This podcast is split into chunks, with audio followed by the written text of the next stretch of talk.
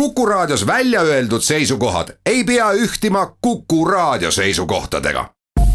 Te kuulate Kuku Raadiot. majandusruum. tere, head äh, Kuku Raadio kuulajad, eetris on Majandusruum ja ja verivärskes uues Kuku raadio stuudios esimest korda on ajakirjanikud Lennart Ruuda ja Harri Tuul ja räägime täna kolmel teemal, räägime Eesti heast elust. räägime ühe tuha-, üheteistkümnest tuhandest eestlasest, kes said üleöö pankuriteks ja äh, saate teises pooles on meil siis külas Eesti liinirongide või õigemini Elroni äh, juht siis äh, Merike Saks, kellega, kellega räägime nii Elroni tulevikust kui ka võib-olla natukene tema kantsleri minevikust. Aga noh, siit äh, uuest stuudiost see vaade siin Tallinnale on väga ilus, ilm on väga ilus ja tuleb välja, et ka Eesti elu on äh, üsna ilus. Äh, jah, Harri, ma saan aru, et sa viitad meie tänasele leheloole, kus siis meie hea kolleeg Tõnis Oja kirjutas, tuginedes ühele uuringule, eks ju, et välismaal nii-öelda elavad, siin elavad välismaalased on hinnanud siis Tallinna kui, kui linna kuskil siis linnade edetabelis kahekümne viiendale kohale, et, et see on selline küllaltki hea kõrge koht ja eespool kõigist meie naabritest Skandinaavias, Oslo, Helsingi, Stockholm ja nii edasi, et. ja selles mõttes väga üllatav on tõesti, et ütleme Tallinnas tundub võõramaalastele, nii välismaalastele olevat parem elada kui Helsingis, Stockholmis, Kopenhaagenis, Oslos kas see ja. pole imeline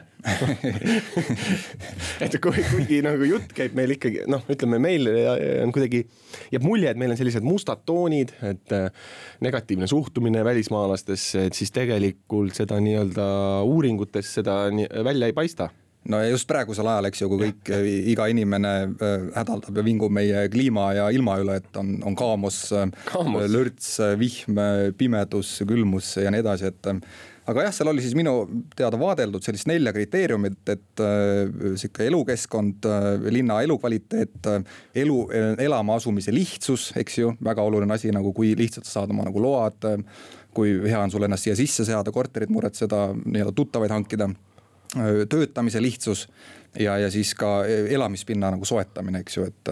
et noh, see ilmselt see elamispinna hankimine, soetamine ongi, mis tõstis meid ettepoole, ma arvan, siis meie Skandinaavia naabritest tõenäoliselt, kus noh, mõtleme Stockholmi peale, eks ju, on tohutu eluasemete põud ka nii-öelda rootslastele endile, kes tulevad põhjast, lõunast, lähevad, tahavad sinna õppima minna, elama, töötama. väga raske leida, eks ju, Stockholmis midagi. ja, ja noh, võrdluseks siin täna vist või eile oli uudis, et näiteks Lasnamäele on kaks tuhat kuussada Ukrainast teadaolevalt kolinud äh, lihtsa vaevaga, et.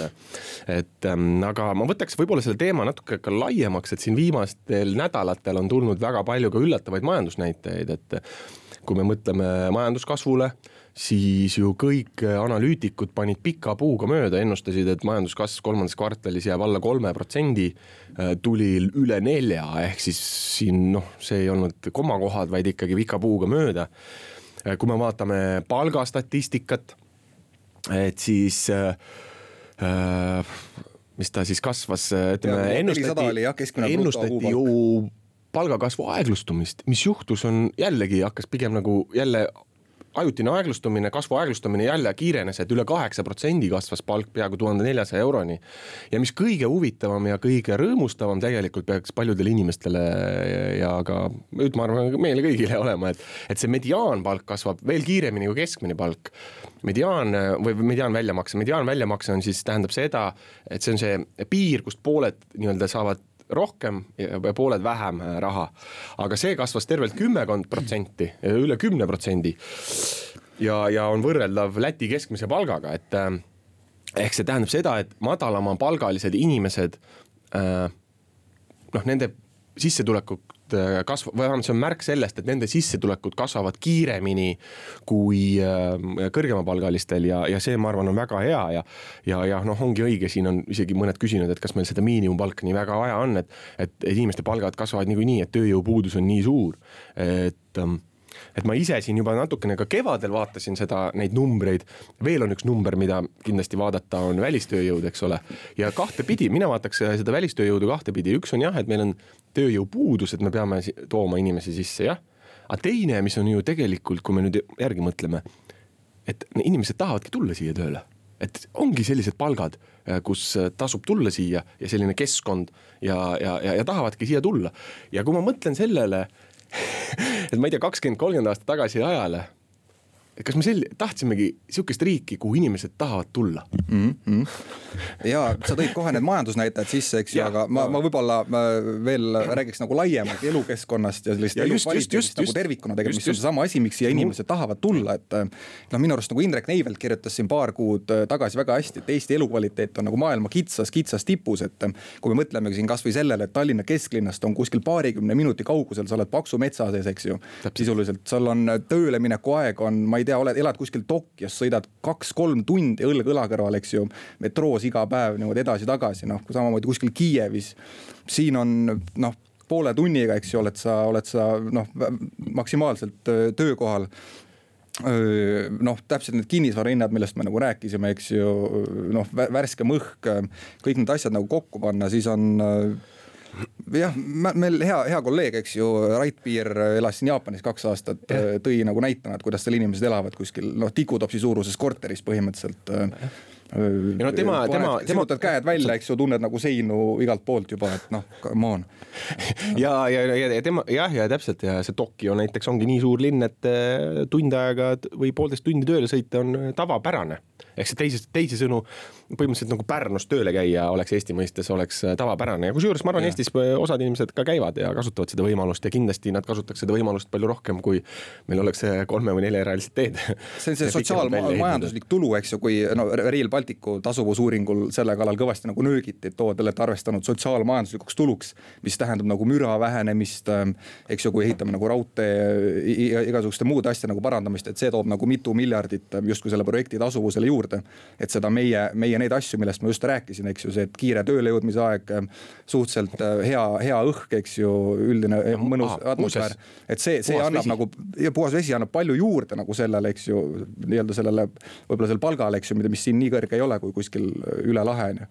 et äh, noh, see on see nii-öelda see sotsiaalmajanduslik tulu, tulles siia elama ja saades kasu sellest, jah jah, et noh, ongi noh, et Eesti on nagu selline nagu, ma arvan, et tulevikus võib-olla isegi aina rohkem me võiks selle, vähemalt me peaks sellele mõtlema, et Eesti ongi nagu selline nagu meepott, et me meelitab mesilasi, et, et, et, et nii palgad on täitsa juba konkurentsivõimelised äh,. Ida-Euroopas ühed kõrgemad palgad äh,, noh, nii-öelda vanas Ida-Euroopas nii-öelda võrreldes Poola ja Tšehhiga täiesti võrreldavad, isegi kõrgemad palgad ja see elukeskkond äh, nii kõikides nendes aspektides, mille sa välja tõid ja, ja, ja tegelikult on siin mõnus, et mõnikord lihtsalt, kui me siin ise oleme siin eh, külma ja, ja pimeda sees, võib-olla mõnikord ununeb ära. mis no, ei tähenda seda, et kõik, kõik, kõikidel inimestel muidugi on väga hea, meil on kindlasti mingeid probleeme, meil on inimesi, kes teenivad võib-olla liiga vähe, kes ei saa endaga hakkama ja nii edasi.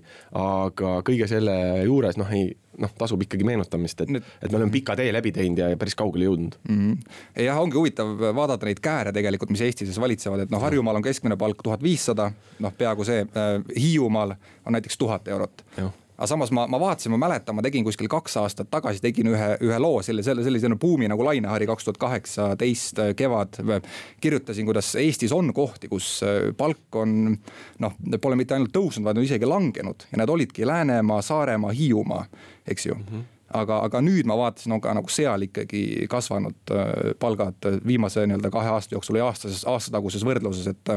et noh, mitte küll nagu nii hoogsalt võib-olla kui siin äh, ja noh, absoluudis jääb see ikkagi noh, kolmandiku võrra vähem, eks ju, tuhat ja tuhat viissada, aga noh, siiski. seal on ka jällegi nagu selline ametlik statistika, et äh, tegelikult ma olles suhelnud mõnede näiteks Lõuna-Eesti ettevõtjatega et ega väga raske on ka keskmise palgaga inimest tööle leida, et sa võid isegi talle keskmisest rohkem pakkuda, kuigi nagu ütleme, ma ei tea, seal äh, ma ei tea, Võru, Tart-, Võrumaa keskmine palk on alla tuhande euro, siis mingi tuhande neljasaja, tuhande viiesajaga inimest leida on ikkagi keeruline. nii et see on nii ja naa. ja ja kes ei taha residendiks hakata, saab ka e-residendiks hakata mis siin samuti tähistas viieaastast sünnipäeva just sel nädalal ja, ja neid on ka minu arust juba peaks olema üle kuuekümne tuhande Eestis, et ka see on nagu üks, üks variant, et siin oma, oma. virtuaalsed eestlased virtuaalsed eestlased. aga noh, nemad. kelle jaoks kliima on ikkagi liiga, liiga vilets Nemad ilmselt kunagi siia ei tule. minu arust on Eestis väga hea kliima, nii et. jah, ma olen nõus, kõige huvitavam, nii, aga võtame selle rõõmustava teema nüüd kokku ja teeme väikse pausi. majandusruum jätkame saatega, stuudios endiselt ajakirjanikud Lennart Ruude ja Harri Tuul ja kui ennist rääkisime heast elust Eestis, siis räägime nüüd üheteist, umbes üheteist tuhandest eestlasest, kes otsustasid pankuriteks piltlikult öeldes hakata, et äh, täpsemalt siis räägime Coop panga börsile tulekust äh, eelmise ühesõnaga, mille esma, esmaemissiooni märkimine lõppes siis eelmisel nädalal ja esmaspäeval siis selgus, et et noh, ütleme, kuidas ma nüüd ütlen, et ähm, hommikul äh, saadet tutvustades ütlesin vist niimoodi, et üks silm nutab ja teine naerab äh, rääg-, räägiks alguses siis naeru poole ära, et positiivse, jätkaks seda positiivset äh, joont ja no ma tean sinu tegelikult üksteist mhm. tuhat, äh, peaaegu üksteist tuhat äh, erinevat inimest ja firmat, eks ole, märkis seda, et äh, Eesti mõistes täitsa korralik tulemus ju ma saan aru, et see ongi see naerev silm siis, sinu, sinu naerev silm on see, et jaeinvestorite hulk oli siis üle üheteist tuhande. samas ma vaatasin, et minu arust Tallinkil oli, eks ju, seitseteist tuhat jaeinvestorit, Tallinna Sadamal, mis on minu arust väga üllatav, oli, oli samuti rohkem kui Coopil, ehk siis kuskil üle kolmeteist tuhande jaeinvestori. aga seal võib muidugi arvata seda, et polnud pikka aega polnud kedagi Tallinna börsile tulnud ja võib-olla oli selline rahva ootus nagu, et, et tuleks keegi ja, ja siis, siis, siis ka seda rohkem osteti. mõlemad aga, firmad aga... on ka palju noh, suuremad. just aga mis, mis on, mis on huvitav jah, et, et seal ma vaatasin, et oli väga palju selliseid kliente, äh, klientomanikke nii-öelda Coopi pangal ja sellel Coopi kaupluseketil üldse tegelikult, kes sellest ettevõttest tahtsid osa saada, mis on nagu väga hea märk minu arust, et äh, kliendid on tõenäoliselt selle teenusega rahul, mida, mida siis kauplused või, või, või, või pank neile, neile pakub ja siis seetõttu otsustasid ka nagu oma, omanikuks hakata, et see on, see on iseenesest julgustav. noh, ma ei tea, alguses räägiti sellest rahvaaktsia staatuse tõusmisest, et nüüd on justkui enam sellele, sellele retoorikale nii väga ei, ei, ei rõhuta, et ma ei, ma ei tea, et siin novembri alguses oli see rahvaaktsia jutt oli nagu kogu aeg üleval, aga nüüd enam väga palju pole kuulnud sellest, et ma no, ei tea, kas. jah, aja, ajalooliselt see rahvaaktsia jutt on ütleme, pigem on sellised negatiivsed tagajärjed olnud, et näiteks äh, Tallink tahtis ka rahvaaktsiaks ja, ja sai rahvaaktsiaks, aga tegelikult ega see aktsia hind ei ole siiamaani aktsia esmaemissiooni tasemele jõudnud, et ja, ja siin on veel mingeid näiteid ajaloost, et see ei ole tavaliselt väga hea. noh, ütleme niimoodi, et pigem äh, tee seda, aga ära, ära ütle seda, et pigem seda selle nurga alt, aga, aga samas laiemalt vaadata, et, et tõesti, et et kindlasti ta tõi ka mingeid uusi inimesi nii-öelda börsile investeerimise juurde, et. et, et ma ise nagu loodaks, et nad saavad pigem nagu positiivse kogemuse ja, ja. väga huvitav oleks, ma segan korraks vahele, et oleks huvitav seda äh, geograafilist jaotust äh, teada just, saada, et kui palju inimesi näiteks äh, üle Eesti nagu maakondadest, et kas Võrust, Põlvamaalt, Hiiumaalt inimesed. ma ei tea, sisenesid esimest korda nii-öelda ettevõtte omanike ringi, investeerisid Tallinna börsil noteeritud ettevõttesse, et kas või, või see jääb selliseks harjumuseks Harjumaa keskseks, et Margus Rink on varem ikkagi soovi avaldanud, et see võiks olla selline noh, kuna ka nende haare on, eks ju, üle, üle Eestile, nad jõuavad põhimõtteliselt igasse Eestimaa nurka, noh, see on ka nende üks selline lipukiri. et siis võiks olla ka need omanikud tulevad, see, see, see, see pilt on nagu laiali määritum ja mitmekesisem. jah, kuna nad on selle Coop ketiga ikkagi üsna tihedalt seotud eh, kahtepidi, üks on see omaniku seos, et eh, Coop siis tarbijaühistu on seal suuromanik ja teistpidi nad kasutavad siis näiteks Coopi kauplusi, on põhimõtteliselt kõik Coopi kauplused on nende pangakontorid ühtlasi et see seos on väga-väga tihe. aga siis Coop ise või kogu see kontsern, eks ole, on ongi nagu noh, selles mõttes heas mõttes teine Eesti, et ta, nad põhitegevusala on tegelikult Eesti, või tähendab Tallinnast, vabandust, väljas. et, et, äh, et nad räägivadki, nad kõnetavadki neid mm. inimesi, kes ei ela Tallinnas, et selles mõttes äh, noh, võib-olla siit Tallinnast paistabki see ettevõte võib-olla mitte nii huvitav või nii atraktiivne, kui võib-olla kohalikele inimesele, vähemalt mulle, mulle on jäänud selline mulje.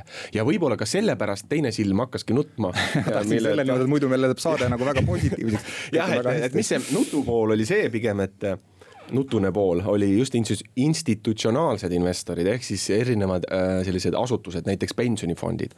noh, pensionifondide puhul me teame seda, et kuna siin on suur reform on käsil, siis pensionifondid ongi see praegu ongi kõige võib-olla halvem aeg üldse investeerimiseks, kuna täpselt seadus ei ole veel vastu võetud ja ei ole veel ära katsetatud, et kui paljud inimesed siis kasutavad seda võimalust, et sealt väljuda. sa ei tea, mis, kuidas hakkavad, kuhu poole ja mismoodi hakkavad rahavood liikuma ja seetõttu äh, praegu oledki nii-öelda äraootaval seisukohal, et muidugi sa teed mingeid investeeringuid, aga mingid asjad jäävad ikkagi tegemata just praegu, et see on näiteks üks pool mm. -hmm. no seda, seda rõhutas Margus Rink jah, just, et selline äh, ebakindlus siis äh, läheneva pensionireformi ootuses, kus see teine sammas siis tehakse, muudetakse nagu vabatahtlikuks ja niimoodi.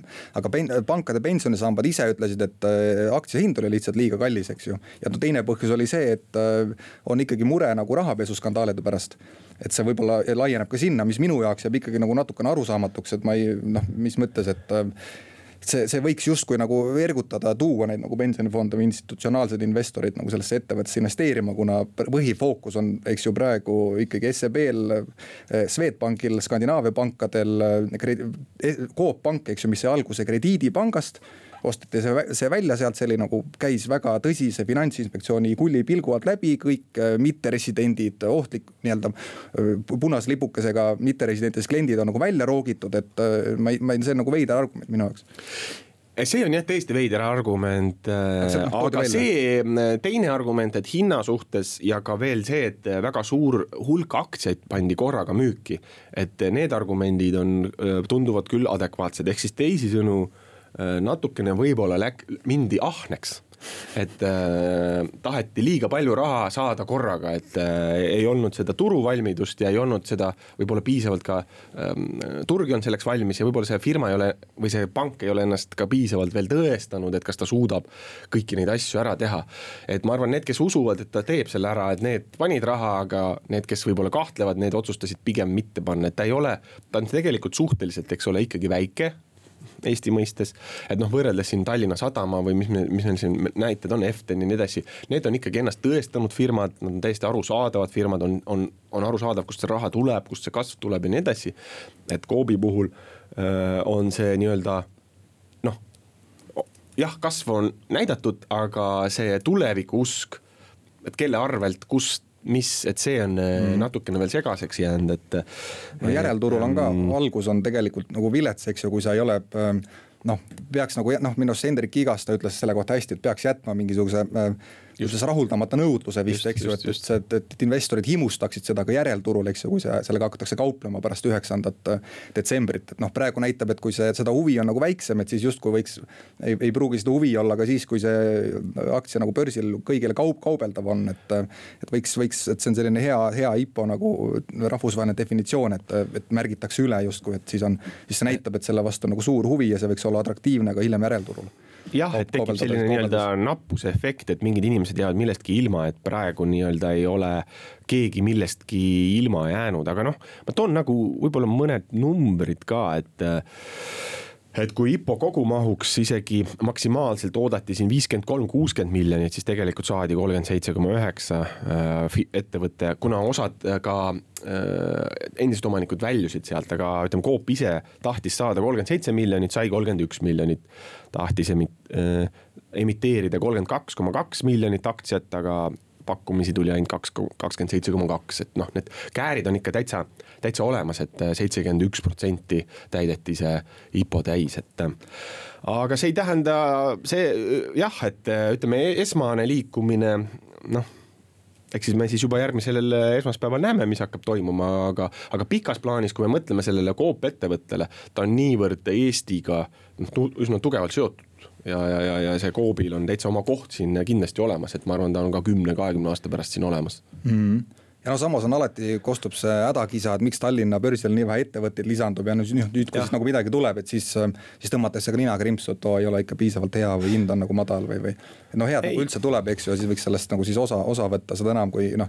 sihuke üldine rahatrükk on ka nagu järjest suureneb ja niimoodi, et seda raha, raha iseenesest võiks olla, eks ju, mis turgudele nagu jõuab, et läheb nagu igasse kohta, latt on olematu peaaegu, kõik projektid saavad peaaegu raha, noh. Rain Lõõmus on seda meil samas saates öelnud, et noh, miks siis ei võiks Coopi seda raha suunata nagu. Margus Rink, Coop Panga juht, ongi lubanud äh, kõikidele nendele, kes aktsiat ei järginud nina nipsu, et, et te veel kahetate seda, eks siis näeme see. aga teeme nüüd äh, pausi. majandusruum. jätkame saatega stuudios ajakirjanikud Lennart Ruuda ja Harri Tuul ning meil on külas Eesti liinirongide juht ehk siis Elroni juht Merike Saks, et no hakkame kohe otsast pihta, et siin pühapäeval avatakse Tallinna turbaliin, et aga ma küsiks niipidi, et kas te usute, et sinna tuleb ka reisijaid või see on ikkagi selline pigem poliitiline projekt? tere, usume kui ikkagi meie praktika näitab seda, et kui kuskil on rööpad maas ja rong sõidab, siis inimesed hea meelega tulevad rongi mm. -hmm tekitab selle nii-öelda pakute ja siis tuleb nõudlus järgi. üldiselt küll jah. üldiselt on niimoodi olnud või? jah, mhm. niimoodi. kas siis teie seisukohalt võiks ka Haapsalusse käia? muidugi võiks, isegi Rohukülla võiks minna välja, ei tegelikult ka, ma ei, ei tee nalja, et ega see see transpordisektor ikkagi, kui me vaatame nüüd, kui tähtsaks on keskkonnateema muutunud transpordis, siis tegelikult noh, rongiliiklus, trammiliiklusega ta tuleb selleks, et, et jääda ja et seda transporti keskkonnasõbralikumaks muuta, nii et. et kui see Haapsalu raudtee siin võib-olla oligi nagu varem selline tundus, et võib-olla üleinvesteerimine või midagi, siis praegu, kui vaadata keskkonnaeesmärke, siis ta saab hoopis teise valguse. aga kindlasti suhtlete poliitikutega ka, et kas selline valmidus valitsusel või või need investeeringud ka kunagi lähitulevikus siin ära teha, mitte kümne aasta pärast on olemas? no seda võib-olla peaks tõesti küsima parem Majandus- ja Kommunikatsiooniministeeriumist, et mis need prioriteedid praegu on ja, ja kuhu nad tahavad seda raha esmajärjekorras panna, et. et mul päris sellist informatsiooni ei ole, ma tean, et seda projekteeritakse mm. -hmm noh, teilt kui endiselt majandusminist-, majandus-kommunikatsiooniministeeriumi kantslerit oleks noh väga huvitav oleks teada saada, küsida, et mis pilguga te olete jälginud noh, viimaste nädalate sellist suuremat skandaali siin, et il-, maaeluministeeriumi kantsleri Illar Lemetti kangutamist, et äh,. kuidas, kas oleksite ise samamoodi käitunud, küsime niimoodi näiteks? Väga raske öelda, mm, selleks peaks nagu teadma selle loo detaile, aga noh, eks ma ikka murelikult jälgin et. no on see nagu murettekitav teile? on, on, aga noh, ma ei tea, ma olen kuidagi nagu selline tundmus on, et, et iga valitsuse osas mõtled, et ega nagu hullemaks ei saa enam minna ja siis nagu ikkagi tuleb veel mingisugune nagu üllatus või avatakse mingisugune hoopis uus laegas. et jah, minu jaoks on see selline natukene nagu pretsedenditu tegevus, et ma ei ole seda enne kohanud oma, oma karjääris majandusministeeriumi kantslerina. et et, et oleks selliseid intsidente tekkinud, et see on nüüd midagi uut. kas te näete seda selliste ametnikkonna, ministeeriumi töötajate tasalülitamisena? justkui ma... kui sa näed midagi ebaseaduslikku, mingi midagi korruptsioonihõngulist, siis sa peaksid nagu vaikima ja mitte sellest teada andma. aga seda ei Või... saa niimoodi võtta, sest tipp, tippametnik on tippjuht ja, ja tippjuhil peavad olema väga selged põhimõtted, kuidas ta käitub, seal ei ole vahet, kas sa juhid eraettevõtet või sa juhid avalikus sektoris, kui sa oled tippjuht, siis sa ei saa tolereerida seda, kui on õigusvastane käitumine. Mm. Aga võib-olla kuulajale korra niimoodi nii-öelda selgitaks, et äh, selle kantsleri ja ministri ütleme vahekord, et kuidas see kas, kas on võimalik üldse näiteks teistpidi ka küsida, et kas on võimalik neil koostööd teha selliste ütleme jäi, noh, ütleme suht jäiste suhete pealt? Eks ta keeruline kindlasti on, sellepärast et äh, kantsler ja minister või siis ministrid, minul oli alati kaks mhm. ministrit äh, see koostöö peab olema väga tihe, et äh, see ministeeriumi juhtimine erinebki erasektori juhtimisest võib-olla kõige rohkem selle poolest. et ministeeriumis ongi selline topeltjuhtimine, et on kantsler siis, kes juhib igapäevast ametnike tööd paneb eesmärke organisatsioonile, põhimõtteid. ja siis tulevad ministrid oma eesmärkidega, mis on poliitilised eesmärgid. ja tegelikult nende kahtede eesmärkide vahel tuleb leida kompromiss ja see eeldab, et, et see nii-öelda juhtimis siis kolmik või juhtimistandem, see peab töötama. kui seal on konfliktid, siis mhm. tegelikult jah, võib öelda, et terve ministeerium kannatab aga kuidas te nagu oma ajale tagasi vaatate, et kas te nüüd mõtlete, et on nagu hea meel, et ministeeriumist ära sai või, või igatsete seda kantsleriaega tagasi ka? Ma isegi võib-olla selles kontekstis väga ei mõtle, mul on, mul on Elroni üle väga hea meel, et noh ta on niivõrd nagu ikkagi teistmoodi töö, et kui, kui ministeeriumi töös, eriti majandusministeeriumis, ma nokkisin igat teemat võib-olla hästi natukene, et teemade ring oli ju energeetikast kuni siseturuni. siis äh, Elronis äh, ikkagi sa saad minna peaaegu kõikide teemadega süvitsi ja kui on nagu vähegi tahtmist, siis saab endale asjad selgeks teha ja ei no mis seal salata, loomulikult mulle meeldib see ka, et, et ma saan ka ise juhtida, ise otsustada, et selliseid kooskõlastusringe on oluliselt vähem. Noh, nüüd saab aasta vist varsti täis teie juhi Elronis oleku aja jooksul, et mida te ise, mille üle te ise kõige uhkem olete või mida te oma suurimaks saavutuseks peate selle aja jooksul? seda, et me peagi, peagi kuulutame välja uute rongide hanke. Mm et see on tõesti asi, mida me väga-väga-väga ootame. sest meie rongipark praegu sõidab ikkagi suhteliselt viimase piiri peal, et see Narva väljumine nüüd sai juurde me ka paneme päeval väljumisi juurde lääne suunas äh, tänu sellele, et Eesti Raudtee nüüd kaotas ära selle tehnoloogilise hooldusakna, mis iga päev äh, mõned tunnid hoidis raudteeliiklust kinni. Et see on nende poolt ka väga tubli saavutus aga ega meil nagu väga palju rohkem variante ei ole, et siis me peame juba hakkama kas muutma põhimõtteliselt ettevõtte töökorraldust, näiteks hakkama ronge hooldama hoopis öösiti, me kaalume ka neid variante aga kuidas see uute rongide ostmisega oli, et kas see oli, peate seda siis nii-öelda enda suure lobitöö ja veenmisoskuse teeneks või oli kuidagi poliitiliselt juba see nagu tahe ja soov olemas neid uusi, ma saan aru, käib siis kuuest äh, hübriidelektrorongist ost? Jah, need on kuus kahesüsteemset elektrirongi noh, ega enda saba muidugi tahaks ise liputada, aga, aga see ei ole kindlasti mitte kuidagi väga minu lobitöö, et see valmisolek ja võib-olla ka see reisijate pahameel juba nende täitunud rongide peale oli, oli nii suur. et valmisolek siiski oli, oli olemas, et see projekt tuli lihtsalt viia nagu ilusa lõpuni. kuhu suundadesse need rongid või kuhu, kus nad sõitma hakkavad, et kuhu siis Kuna... võib oodata millalgi? Kuna nad tulevad äh, kahesüsteemsed elektrirongid, mis sõidavad siis nii kahekümne viie kilovoldi kui kolme kilovoldi areaalis. siis äh, kõigepealt läheksid nad sõitma Tartusse ja me mm. ootamegi tegelikult seda Tartu liini elektrifitseerimist ja kui see on valmis, siis tulevad sinna kuus uut rongi. ja sellepärast me tellime nad ka natukene rohkem sellise kaugrongi Eh, tüüpi, pikamaarongi tüüpi. Eh, tahame saada mugavamaid istmeid, eh, väikest kohviautomaati, võib-olla võimalus snäkki osta sinna juurde ja, ja istmed ka kindlasti jah, see kriitika, et, et istmed on kõvad, et seda katsume ka arvestada aga millal see, ütleme, kui me nüüd noh, niimoodi umbmääraseltki mingi ajaperspektiivi siin välja käiks, et. tegelikult ta ei ole umbmäärane, ta sõltub hästi palju sellest, et millal Eesti Raudtee liini ära elektrifitseerib. ehk siis praegu nad on, nende ambitsioon on seda teha kakskümmend, kakskümmend neli lõpuks hiljemalt. ja meil ei ole mõtet neid ronge siia varem tellida valmis mm no mis ta oli, räägiti kolme aastaga, et kakskümmend, kakskümmend neli on juba noh, kaugemal ikkagi sellest. no see on nüüd praegu ongi selle elektrifitseerimise taga kinni. selle taga jah ja. okay., et kui me nüüd telliksime, ütleme rongid jah, võib-olla ehitatakse valmis kolme aastaga, aga siis me peaksime ikkagi tellima näiteks vahepeale siin mingeid hübriide või, või diiselrongi või noh, diiselrongi me kindlasti ei taha tellida, hübriidrong on väga kallis. elektrirong on lihtsalt odavam, nii et see on nagu raha mõistliku kasutamise seisukohalt tuleb jah, kahjuks aasta veel kannatada kas teil ei ole natukene seda probleemi, et äh, osad liinid on inimesi puupüsti täis, eks ju, et ei saa liikudagi peaaegu, kui me räägime näiteks Tallinnast Tartusse sõitmisel. samas on ka liine, mis on noh, kus sõidabki võib-olla kaks-kolm inimest, mis on nagu peaaegu tühjad, et on selline kuidagi ebaühtlaselt on see nagu jaotus äh, teil, teie liinidel no ta võib-olla ei ole isegi niivõrd liiniti ebaühtlane, kuivõrd kellaaegade suhtes. et tipptund on, on ikkagi tipptund ja inimesed tahavad sõita siis, kui nad lähevad tööle või siis, kui nad lähevad koju või puhkama.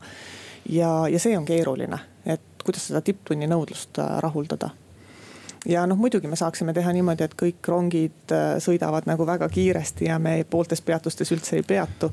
aga äh, rongiliiklusel on ka ikkagi oma selline nagu regionaalne missioon kanda, et me peame teenindama ära ka need inimesed, kelleni võib-olla buss üldse ei jõua Mm -hmm. aga noh, loomulikult, äh, mida ma ka olen palju rääkinud, siis mõistlik oleks see et kui me vaatame Eesti selliseid transpordiühendusi, siis rong võiks ühendada selliseid pikki sihtkohti kiiresti. ja sellised pisi, pisemad kohad, kus on vähem inimesi, need võiks pigem ära teenindada bussidega ja siis viia rongidele suurematesse kohtadesse reisijad ette. aga mille taga see on, et selline noh vähemalt kõrvalt vaadates ja rääkides inimestega transpordisektoris, sellist nagu suurt vaadet nagu ei ole, et, et nagu on sellised killud kokku pandud, selline pusle Eesti, Eesti mõistes see transpordiühenduste süsteem, et. et ei ole noh, näiteks kasvõi sellist visiooni, et kuulge, et viime rongiga näiteks ole Tartusse, Pärnusse ja sealt edasi lähevad bussiliinid, et. et, et see oleks selline ühine nagu arusaam asjadest, et igaüks nagu ajab natukene oma asja siin aga see täpselt ongi niimoodi, et igaüks ajabki meil siin oma asja, sellepärast et neid asjaajajaid on seal transpordi ümber palju ja, ja tegelikult mul oli hästi hea meel äh, tervitada seda äh, Majandus- ja Kommunikatsiooniministeeriumi ja Tallinna linnavalitsuse siis sellist nagu ühist memorandumit, kus siis vähemalt nagu Harjumaal tehakse nüüd suur pingutus, et hakata kogu Harjumaa ühistranspordi peale vähemalt ühiselt mõtlema ja tekiks üks selline keskus, kes seda rahastaks ja koordineeriks. sest ka siin Harjumaal on ju praegu midagi tellivad kohalikud omavalitsused, midagi tellib ühistranspordikeskus, midagi tellib maanteeamet ja, ja juba see loob killustatuse. aga ma olen ka ütelnud välja, et, et minu seisukoht on see, et Eesti on siiski nii väike riik ja meil on nii vähe inimesi, et me peaksime oma ressursse väga hästi kasutama ja see eeldaks ühtset koordineerimist mm. -hmm. teeme väikse pausi. majandusruum oleme tagasi stuudios ajakirjanikud Lennart Ruuda ja Harri Tuul ning meil on külas Elroni juht äh, Merike Saks, et kas äh, mul on jäänud õige mulje, et selline teatud mõttes pööre on toimunud kogu selles arusaamises, äh, ma ei tea, raudteesse või rongidesse, et, et kunagi tundus, et see on mingisugune iganenud sada aastat vana tehnoloogia, et, et nüüd on nagu justkui vastupidi hakanud. vähemalt Eestis näib, et hakatud seda, seda poolt just arendama, et mis seal taga on võib-olla ka mul on sama tunne, et ma mäletan, et oli kunagi ka selline mõte, et võtame nagu kogu raudtee ülesse ja, ja et noh, et sellel ei ole nagu nii väikses riigis mõtet. noh, mis ei ole ka, ütleme maailma kõige lollim mõte, sellepärast et, et ega see riik on väike, et sinna ei ole mitte midagi teha ja see, see maht, mis meil siin sõidab, on alati piiratud ja väikse riigi pidamine on üldse kallis aga ma see tuleb ikkagi nagu nendest noh, ütleme, nimetame neid globaalseteks trendideks. ja, ja meie siin äh, teeme ikkagi niimoodi, nagu Skandinaavia teeb kuigi võib-olla kümme või viisteist aastat hiljem. ja kui vaadata praegu seda, et kuhu soomlased liiguvad, et kui palju nad investeerivad rööbastransporti äh, Helsingi piirkonnas ja üldse, siis, äh, siis tegelikult eks see ootab meid ees no mis need globaalsed trendid on, siis me räägime sellistest kliima, karmistumatest kliima, keskkonnanõuetest, et keelad, keelame siin diiselautosid. Äh, ta on, ta on kliima, ta on tervis. rääkige jah seda tausta, et miks see nagu ikkagi on olu-, oluline. ta, nagu tuleb, tuleb tegelikult jah, ütleme sellisest kliima ja, ja puhtast sellisest puhta keskkonna saamise soovist, et äh, tegelikult ju isegi diiselrong on keskkonda säästvam, kui, kui see hunnik inimesi kõik sõidaksid autodega, sest äh, rong lihtsalt veab niivõrd suurt mahtu. ja noh, teine asi on ka see, et inimesed koonduvad äh, keskustesse, linnadesse ja ükskõik kui laia tee siia ehitada, noh Reidi tee on ju tegelikult ilmekas näide, inimestel olid suured ootused, et, et ummikud kaovad ära, tegelikult ei juhtu ju mitte midagi. sa ehitad selle tee laiaks ja siis nad sõidavadki kokku järgmisesse kohta. selleks tuleb nad pakkida suurematesse Äh, autodesse või suurematesse bussidesse, rongidesse ja viia korraga kohale. Ja kolmas asi, mis ma olen mõtelnud, kui ma vaatan oma, oma lapsi, siis äh, ka kasvab välja või nendel ei ole sellist autousku nagu on, mhm. ütleme minuealistel inimestel. ja, ja nad ei, ei mõtle nagu igal hetkel, et, et peaks olema nagu ilus ja suur ja võimas auto. vaid nad pigem küsivad, et, et, et emme kuule, et aga no, no miks, miks ei võiks neid busse siis rohkem olla, et miks ei võiks nii olla, et, et iga kümne minuti tagant läheks buss ja noh, mis on väga mõistlikud küsimused mm. -hmm noh, see on huvitav jah, samas kuidagi praegusel põlvkonnal või noh, vanematel inimestel tundub justkui see autoosk nagu väga suur olevat, et. vaatad neid automüüginumbreid Eestis, et need on nagu, nagu muljetavaldavad ja, ja need inimesed alati need huvitavad ka need lood, kui ma ise olen autodest ja nendest kõigist diiselmootorite keelamisest ja, ja niimoodi on kirjutanud, et see kuidagi läheb nagu väga-väga korda, et. et mina, ma olen nagu selline omanik, mul on nagu enda oma, ma ise otsustan, kuna, kuhu ma sõidan, eks ju, et see on, see on ka nagu tähtis. aga rongiga siin, seda ei ole, eks ju. rongiga on... seda ei ole kindlasti ja, ja ma arvan, et Eestis mängib sellele auto autole ka kaasa hajaasustus ikkagi. me elame üle Eesti laiali ja, ja me ei suuda seda transpordivõrku, ühistranspordivõrku nii tihedaks teha. et ega ju paratamatult igale poole buss ega rong ei hakkagi käima mitte kunagi, et, et meil auto osakaal kindlasti jääb küsimus on siis, et kas see auto saaks olla ka kuidagi keskkonnasõbralikum mm.. no ütleme, erasektor ikkagi kritiseerib teid eh, selles mõttes ka, et eh, ütleme Elron ja kogu see rongiliiklus, et see on ikkagi nagu ka doteeritud, et, et kuidas peaks sellele vaatama, et? jah, rongiliiklus paraku on Eestis selline mm, doteeritud äri, küll aga meie töötame ka igapäevaselt selle nimel, et see riigi toetuse osakaal meil läheks nagu võimalikult väikeseks ja piletitulu äh, võimalikult suureks. aga siin on jälle, ütleme väikeriigis ei ole mõtet ka igas valdkonnas mängida konkurentsi. et kui me siia laseksime siis ütleme kolm või neli äh, raudtee-ettevõtjat korraga sõitma, siis noh, ei ole seda massi, mida sõidutada. täpselt sama teema on ju ka, kui me mõtleme Saaremaa-Hiiumaa ühendustele parvlaevadega, kus on ju tegelikult äh, ka samamoodi antakse õigus ühele ettevõtjale tegutseda, sellepärast et lihtsalt seda massi ei ole nii palju mis see suhe praegu on teie enda teenitava piletitulu vahel ja siis riigi dotatsiooni vahel, et mis see praegu on ja mis te sooviksite nagu, et see tulevikus oleks? Kui teil seda soov on seda suurendada enda nagu teenitud raha hulka. ja, ja me kogu aeg seda suurendame, et praegu see suhe seal praeguseks hetkeks on kuskil kuuskümmend viis protsenti on meil riigi toetust, kolmkümmend viis protsenti omatulu. ja, ja noh, eesmärk on meil kindlasti viiskümmend, viiskümmend. Mm. aga kas te ikkagi noh, selles mõttes ütleme, bussiettevõtjad oma vähemalt retoorikas peavad teid ikkagi väga tõsiseks konkurendiks, et kui palju te nendega suhtlete või kuidas teie seda olukorda näete? Ma ei. eks teie peate neid ka suureks konkurendiks. kas nemad on teie konkurendid? kas nemad on teie suured konkurendid küllapits? Nad, nad ei ole kuidagi mulle nagu uksele pahameelega koputamas käinud, et seda, seda ei ole praegu veel juhtunud äh, aga noh, eks nad kindlasti jälgivad väga hoolega meie tegevust ja, ja nende, nende kurvastus on pigem nagu seal suunas, et meie saame kiirusi tõsta ja, ja nendel on see päris keeruline. et kui Eesti Raudtee siin äh, saab järgmised äh, remondid näiteks Tartu suunal tehtud, siis äh, nad on ütelnud, et aastaks kakskümmend kakskümmend lõpus on teatud lõikudel seal võimalik sõita juba saja kolmekümne viiega, mis tähendab, et me sõidame näiteks Tartusse veel kiiremini, Narva veel kiiremini.